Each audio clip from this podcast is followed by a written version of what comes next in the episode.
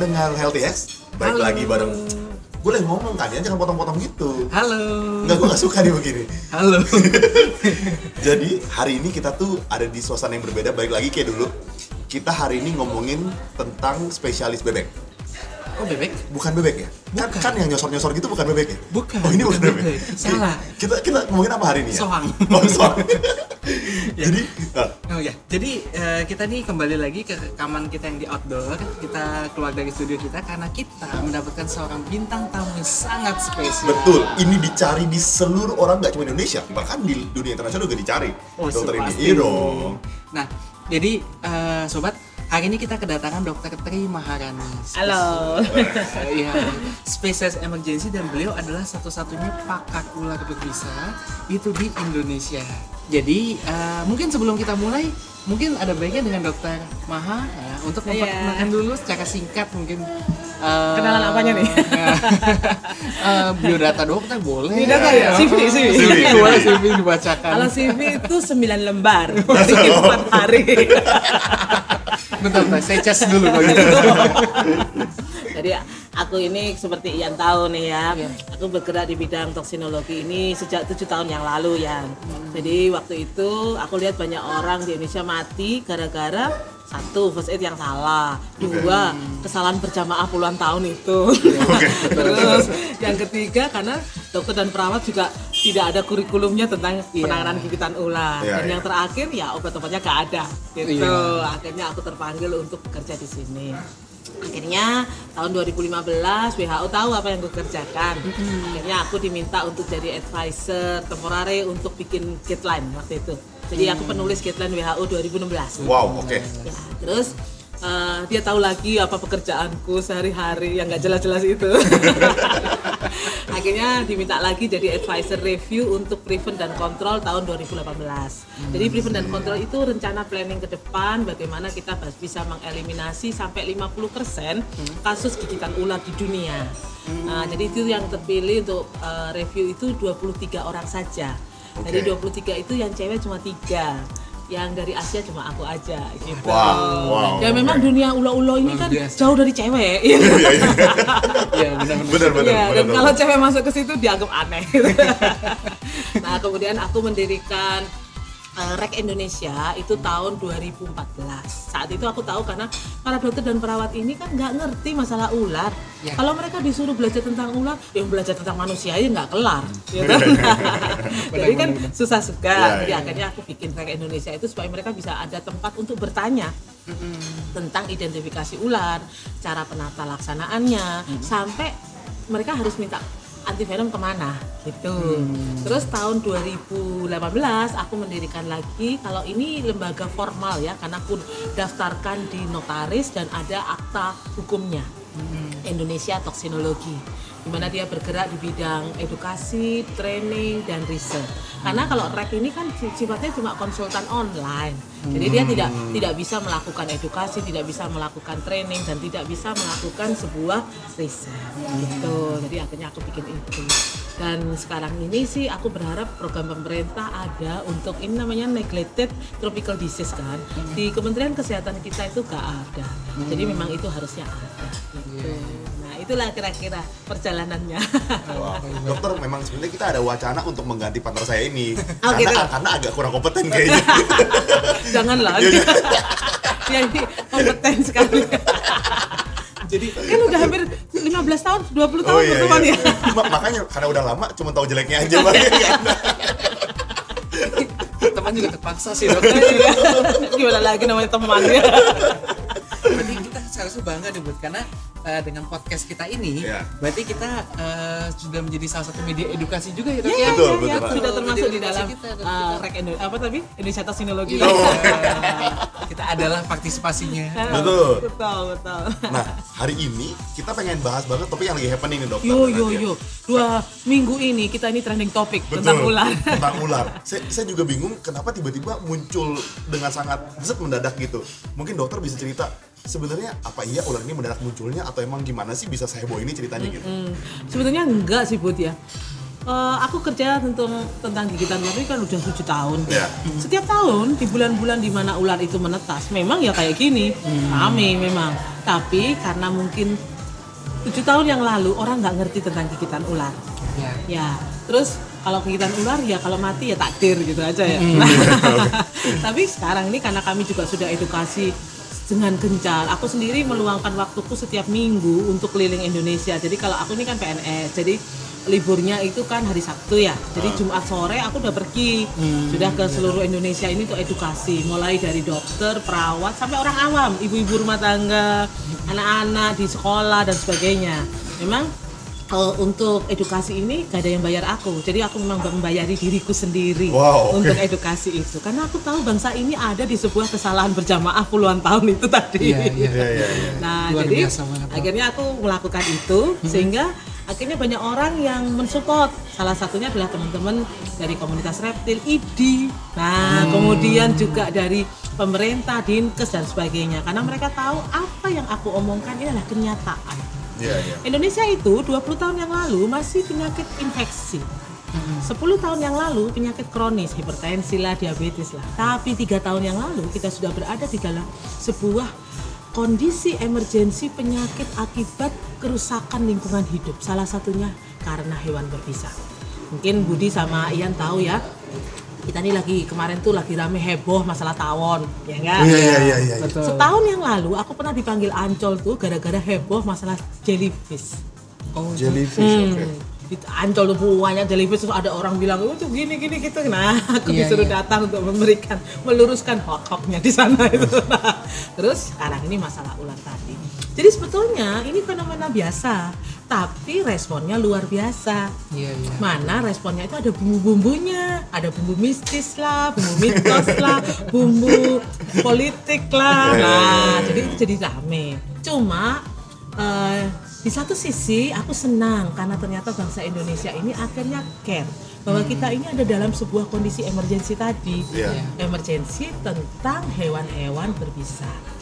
Jadi menurut saya memang sudah waktunya bangsa ini belajar tentang hal ini yang puluhan tahun tidak pernah ada orang yang mau mempelajarinya. Padahal kita hidup di sana. Iya. Indonesia itu 14.504 pulau. Otomatis hewannya banyak. Lautnya adalah laut yang terpanjang di dunia, garis pantainya. Otomatis marine animalnya yang berfenomos banyak itu banyak. Jadi memang ya sudah saatnya. Hanya saja memang harus diluruskan tuh banyak hal.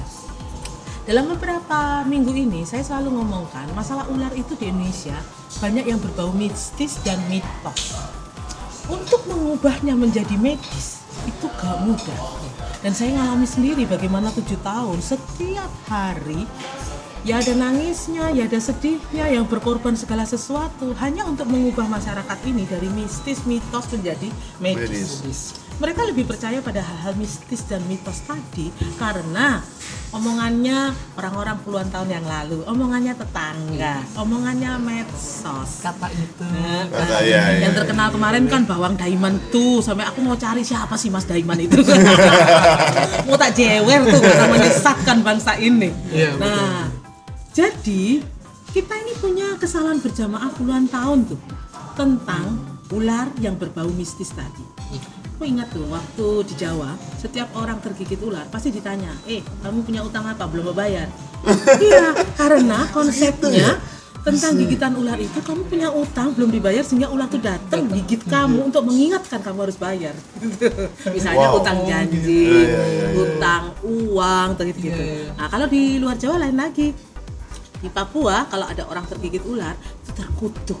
Jadi kalau kamu bantuin dia kamu akan terkutuk juga Jadi nggak ada yang berani bantu Bantu. ya, dan mereka mati percuma karena tidak ada yang membantu karena mereka takut kalau membantu orang-orang yang eh, tergigit ular jadi terkutuk juga. Waduh. Nah, see. itu kan mitos yang sangat Sangat. merugikan. Iya, iya, iya. Dan Indonesia macam-macam mitosnya, apalagi ditambah maaf nih ya, film-film Susana tuh. Nah, semuanya berbau mitos dan mistis dan orang Indonesia senang itu. Iya, iya, Ya iya, kan? iya, iya. Akhirnya kalau ketika saya ngajari tentang yang medis 7 tahun itu hasilnya cuma dikit sekali. Iya. Meskipun untuk mengajarkannya itu dengan bersimbah darah dan air mata itu. Iya. Karena ternyata pengubahan mistis mitos menjadi medis tadi tidak mudah. kebanyakan nanti pada saat dokter lagi menjelaskan mereka ya mengerti paham tapi begitu nanti dilepas ke lebih percaya pada hari yang lain pada lagi. hal yang lain Iya, I gitu. see. Jadi sebetulnya ular-ular fenomena ular yang masuk eh, sekarang ini banyak di sini. Di mana Citayam lah, di Bogor lah. Ini aku baru dikabari tadi malam di Pacitan banyak di Jawa Timur, eh, di Jogja gitu. Itu sebenarnya fenomena biasa karena memang ini adalah musim menetasnya telur-telur ular. Tapi menjadi tidak biasa karena masyarakat meresponinya dengan cara-cara yang berbeda-beda. Mana begitu banyak selebaran yang keluar dan begitu banyak orang memberikan advice-advice-nya yang salah semua. Nah, jadi konsepnya itu memang menurut saya harus ada kebijakan nih dari Kementerian Kesehatan untuk meluruskan konsep tentang penanganan gigitan ular dan tentang ular itu sendiri. Satu, ular itu sebetulnya adalah reptil yang dia hanya mempunyai naluri mencari makan, bukan mencari Menyerang. manusia. Jadi dia tidak akan dari Ian, nggak akan, nggak kenal ya. Ada Budi nggak akan. walaupun saya punya utang ya dia hanya tahu itu ada tikus ada katak Iya. ada unggas yang untuk makanannya dia jadi brand reptil adalah food nah jadi kalau dia datang ke rumah kita berarti rumah kita ada makanannya. Bukan dia akan balas dendam kepadamu gitu bukan. Kan ada orang-orang bilang kalau kalian bunuh ular tuh matanya harus dicucuk supaya dia tidak melihat matamu gitu kan. Salah. Wong dia itu tidak tidak bisa melihat dia itu buta dan tuli ular itu. Pakai lidah ya dok ya? Iya, dia pakai indera namanya Jacobson tadi untuk melihat gerak dan panas. I see. Nah, jadi konsep-konsep mitos dan mistis ini menurut saya itu perjuangan yang harus dipatahkan tahun ini juga. Jangan sampai tahun besok, Ya, udah ya, tinggal ya. dua minggu lagi. soalnya. Mumpung, mumpung pas lagi beritanya lagi hype juga Iya, gitu. iya, Jadi iya, banyak iya. ngasih edukasi Betul, dokter ya. Betul, betul. Dok, jadi sebenarnya kemunculan ular itu adalah fenomena biasa dari musim kemarau ke penghujan. Iya. Dan tiap di Tahun, di fase itu itu pasti terjadi telur ular baru Iya. menetas. Dan penetasan ular itu kan tidak setahun sekali kok. Kan beberapa Iya, dia dia punya siklus kan berapa bulan sekali dia akan bertelur, menetas dan sebagainya. Jadi memang menurut saya ini akan terus ber- menjadi siklus mereka. Dan sepanjang tahun pasti akan ada ular-ular itu. Jadi memang menurut saya konsep yang harus diluruskan dari bangsa ini adalah mistis, mitos tadi menjadi medis. Jadi bukan oh fenomena ini oh berarti bangsa ini sedang ada dalam kutub. Ya. Bukan. Ta- tapi aku tertarik banget sama yang dokter bilang tentang penyakit di Indonesia. Hmm. 20 tahun lalu penyakit kronis ya. Mm, bukan penyakit infeksi. Penyakit infeksi, Nah, 10 10 tahun tahun yang lalu penyakit kronis. kronis dan tiga tahun ini pe- perubahan ekosistem yang rusak. betul, betul. Berarti itu yang menyebabkan ular itu bisa masuk ke komplek-komplek perumahan karena emang mereka dirusak habitatnya sebetulnya itu Iya, terjadi. kan? coba kamu Kak Budi lihat tempat-tempat di mana ada ularnya itu dulunya apa gitu Hmm. misalnya oke ro- tempat-tempat itu dulunya sawah rawa otomatis kan rumahnya ular itu. Iya, jadi iya, sebenarnya dia tinggal pulang ke rumah aja tapi rumahnya udah ganti Udah ganti. manusia I see, ya ya benar-benar. ya jadi sebetulnya kita ini ada juga di dalam kondisi emergensi lingkungan hidup. Andai lingkungan hidup itu tidak rusak maka mereka tetap punya rumah-rumah itu. Iya mungkin Jadi- akan saling mengganggu juga. Ya. Benar-benar. Nah, jadi karena memang kebutuhan manusia jadi sangat besar akan perumahan dan sebagainya, mereka menggusur rumahnya si ular. Betul, betul. Gak salah lah kalau dia marah, gak salah lah. Dan oh, ada rumahnya. iya betul benar-benar. ya ada malah jadinya terancam punah Dok. iya betul. Dan saya juga tidak setuju kalau ular-ular itu dibunuh semua, tidak setuju karena itu juga akan membuat keseimbangan rantai makanan jadi terganggu. Nanti akan ada ledakan daripada red. Ya, ya. Kalau dia Ah, nggak ada. kalau dia dibunuh, maka namanya kata akan meningkat, namanya tikus akan meningkat. Kita ada di masalah yang lain nanti. Betul, betul. Iya, iya. ah, gitu.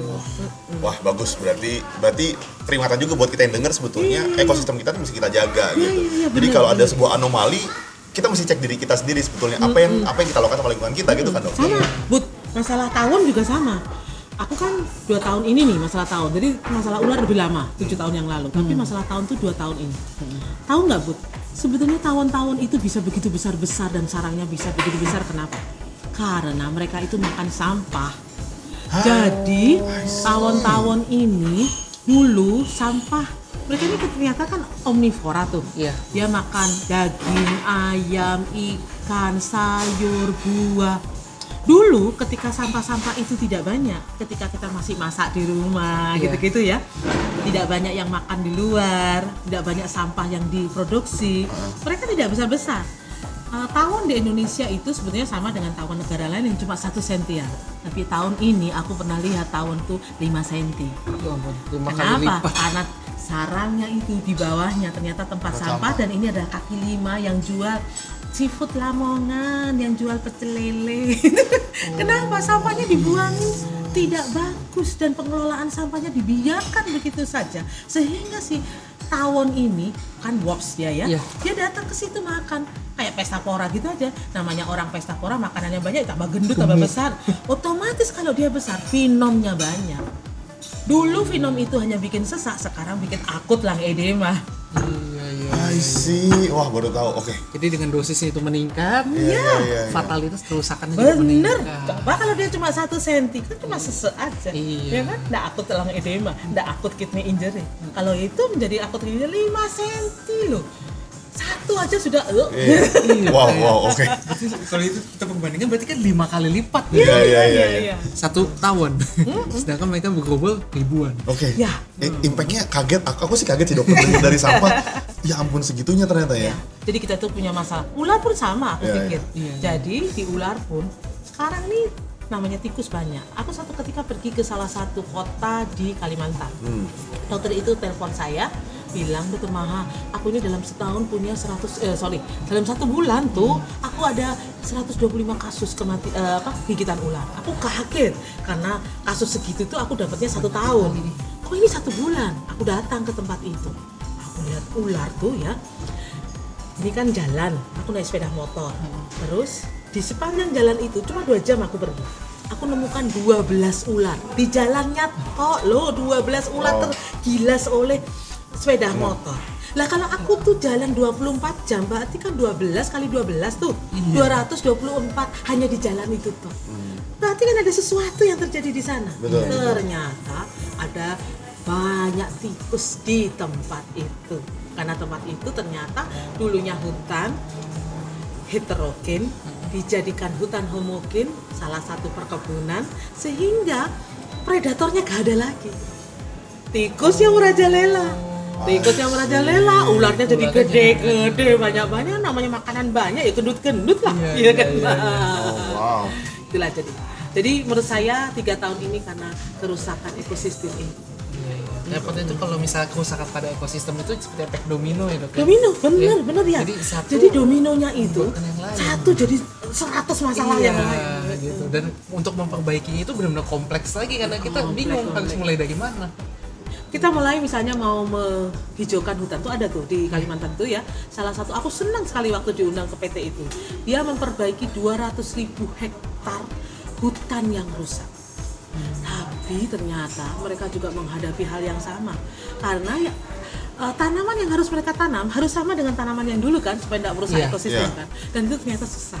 Ketika si tanah itu sudah rusak untuk ditanami kembali tanaman yang seperti dulu kala tidak mudah ternyata. Susah.